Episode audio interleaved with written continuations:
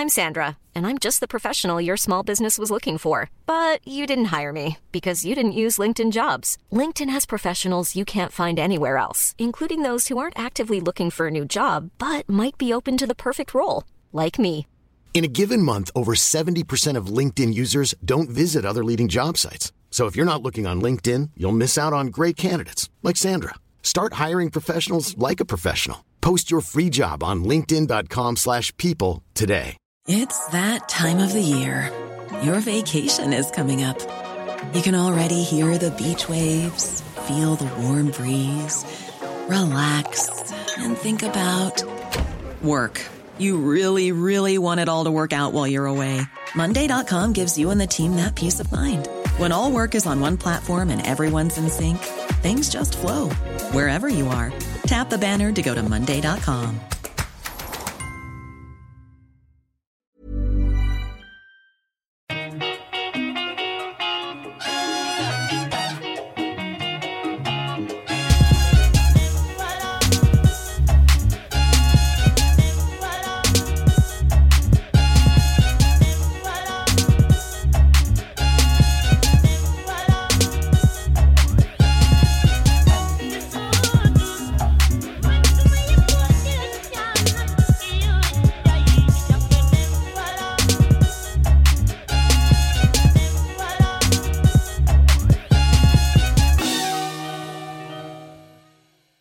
här är Svart historia du lyssnar på med mig Amat Levin. Välkommen!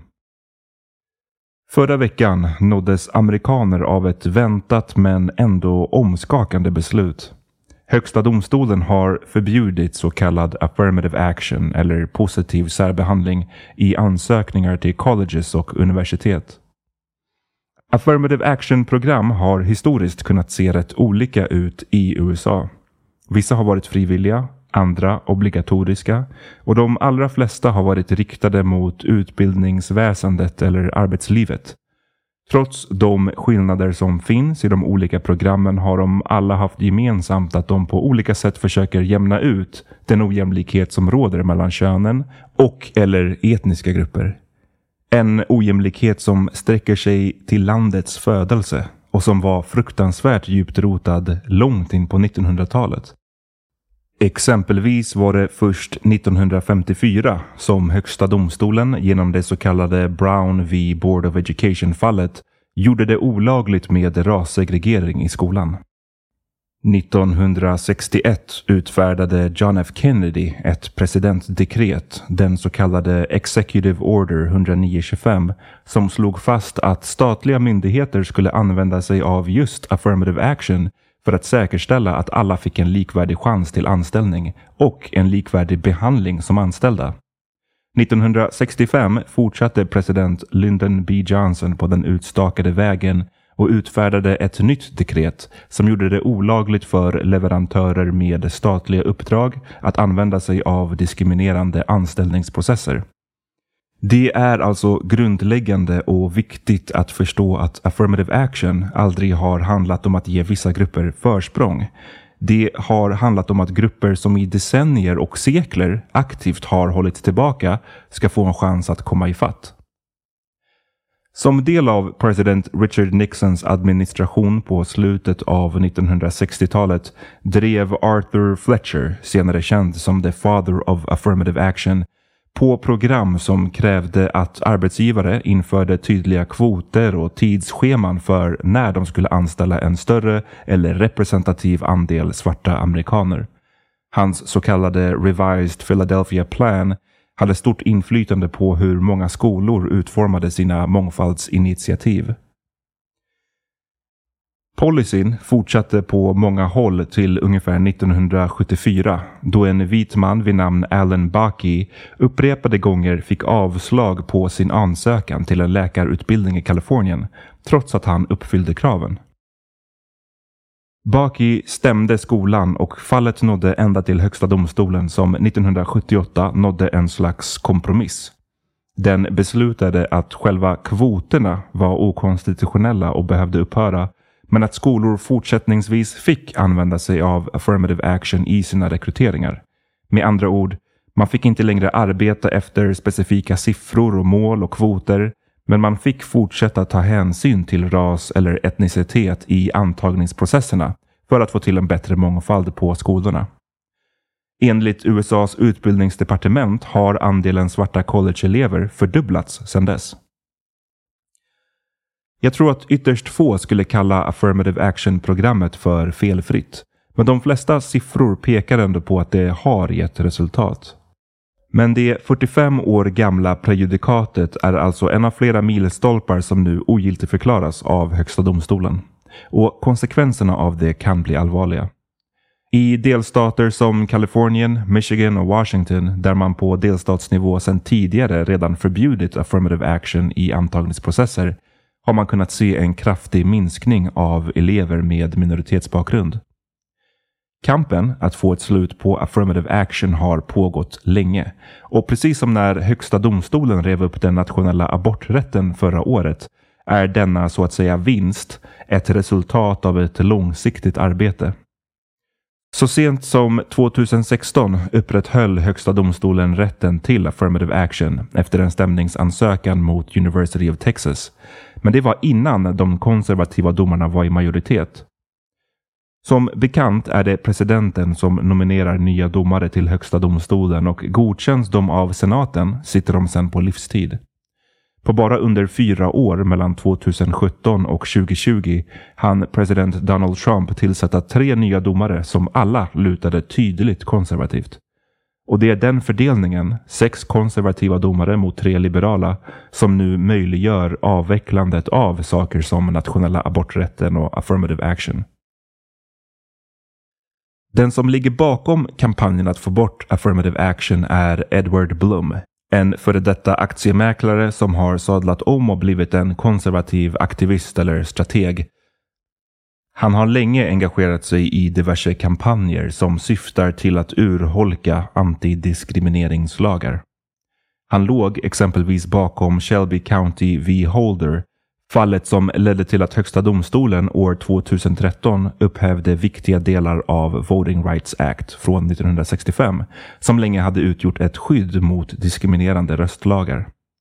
Sedan det beslutet togs har mängder av nya röstlagar och regler införts som på olika sätt gör det svårare för främst svarta amerikaner att rösta. Exempelvis har man stängt många hundratals röstlokaler som majoriteten har legat i svarta bostadsområden. Man har även stängt kontor som utfärdar de ID-kort som behövs för att rösta och de flesta av de kontoren har på liknande sätt stängts ned just i svarta områden.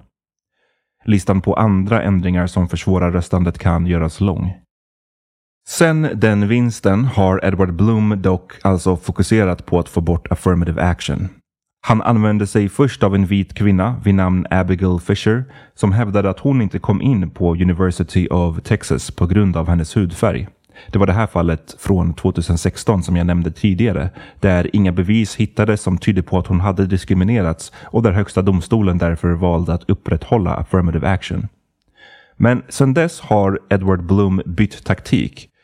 Han har istället börjat använda sig av elever med asiatisk bakgrund. I korta drag hävdar han och organisationen han driver att affirmative action ger svarta och latinoelever förtur på bekostnad av asiatiska elever och att praktiken därför är diskriminerande. Det finns en författare som heter Jeff Chang och som på 1980-talet var med och grundade Student Coalition for Fair Admissions på University of California, Berkeley. Det var en organisation som var emot diskriminering av asiater och som var för affirmative action.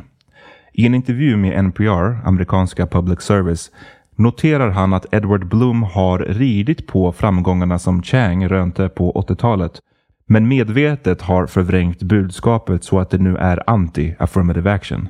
Bloom har till och med döpt sin organisation till det snarlika Students for Fair Admissions.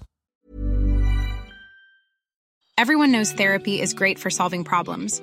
But getting therapy has its own problems too, like finding the right therapist, fitting into their schedule, and of course, the cost. Well, BetterHelp can solve those problems.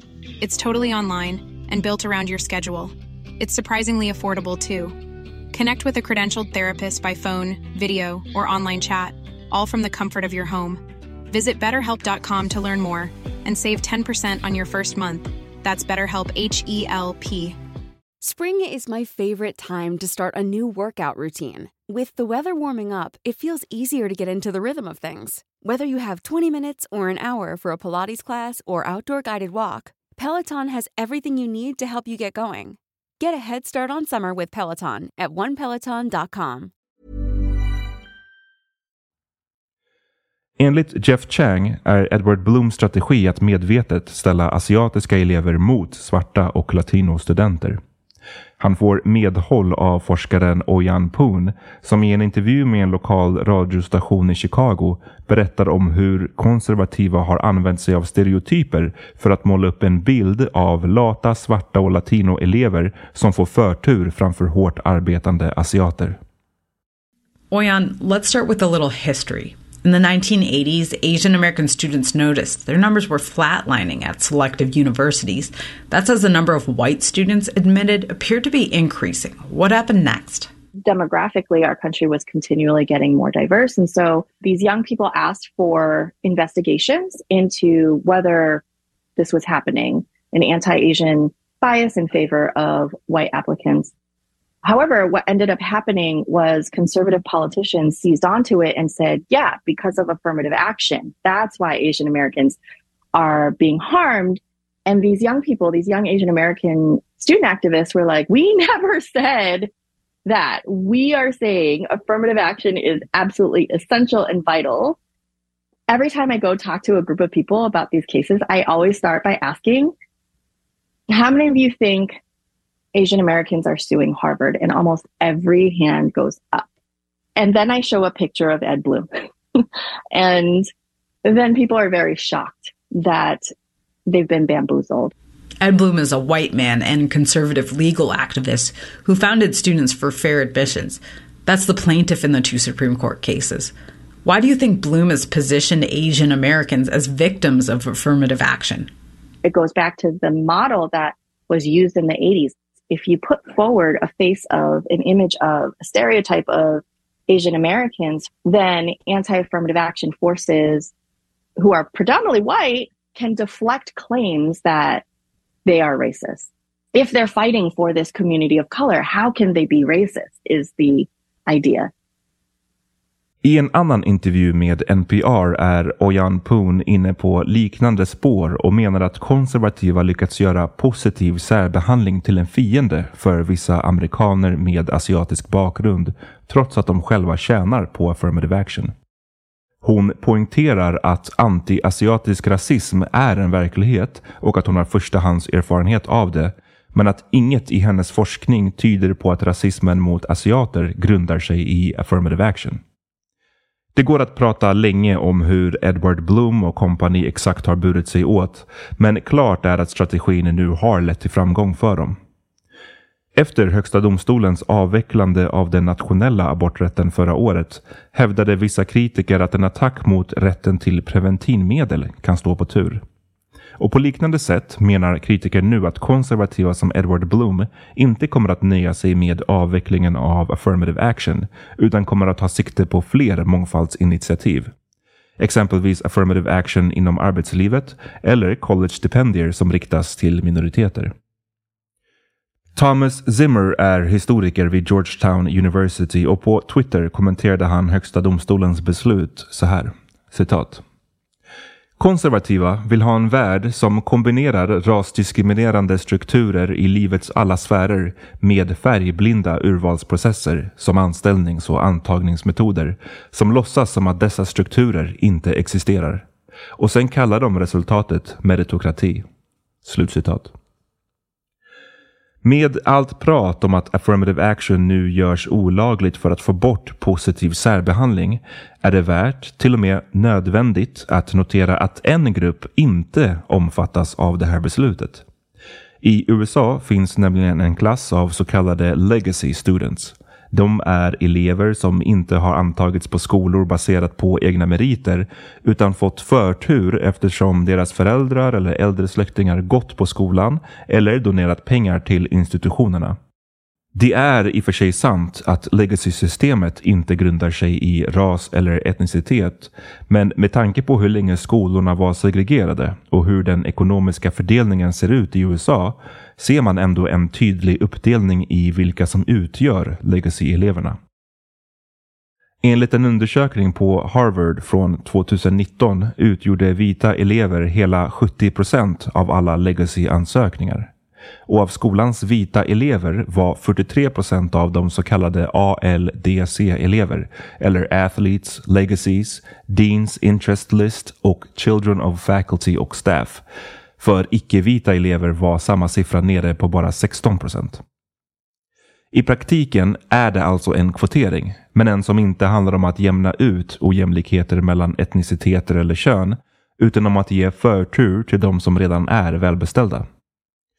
Eller för att citera Martin Gelin, Dagens Nyheters korrespondent i New York, i en artikel han skrev den 30 juni i år.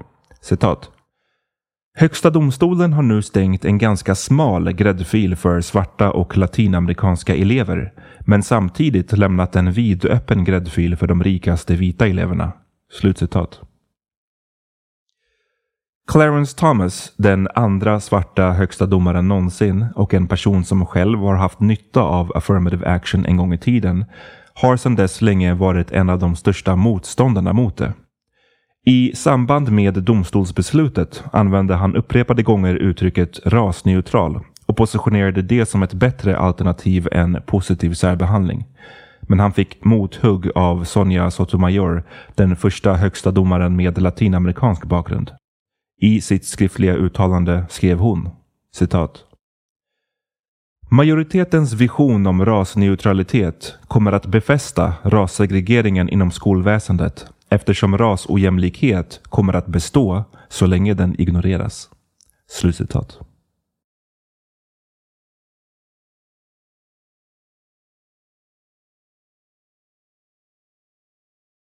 Tack för att du har lyssnat på Svart historia med mig Amat Levin. Jag är tillbaka nästa vecka med ett eh, långt avsnitt igen. Är ni nyfiken på källorna bakom det här inlägget så finns det på patreon.com svarthistoria. Det är inte bakom en betalvägg utan det är bara att gå in där så kommer ni att hitta de källorna. Jag rekommenderar alla som är intresserade att eh, läsa några av dem. Det är alltid bäst att forma sig en helt egen uppfattning. Jag är tillbaka nästa vecka som sagt. Vi hörs då.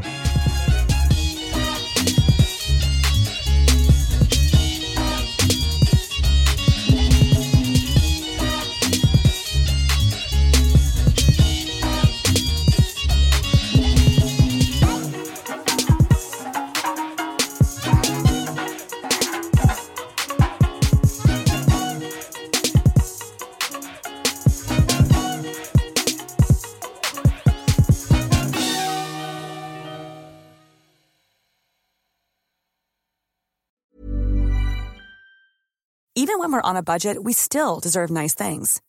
Quince is a place to scoop up stunning high-end goods for 50 to 80% less than similar brands. They have buttery soft cashmere sweaters starting at $50, luxurious Italian leather bags, and so much more. Plus, Quince only works with factories that use safe, ethical, and responsible manufacturing. Get the high-end goods you'll love without the high price tag with Quince. Go to quince.com/style for free shipping and 365-day returns. Hey, folks, I'm Mark Marin from the WTF Podcast, and this episode is brought to you by Kleenex Ultra Soft Tissues, your ally to help tackle your allergy symptoms this season. I love the change of seasons, but nobody loves pollen and all those other things floating in the air that make you sneeze during this nice weather. Kleenex Ultra Soft Tissues are hypoallergenic and allergist approved, so fight back against watery eyes and runny noses without worrying about irritating your skin. For this allergy season, grab Kleenex and face allergies head on.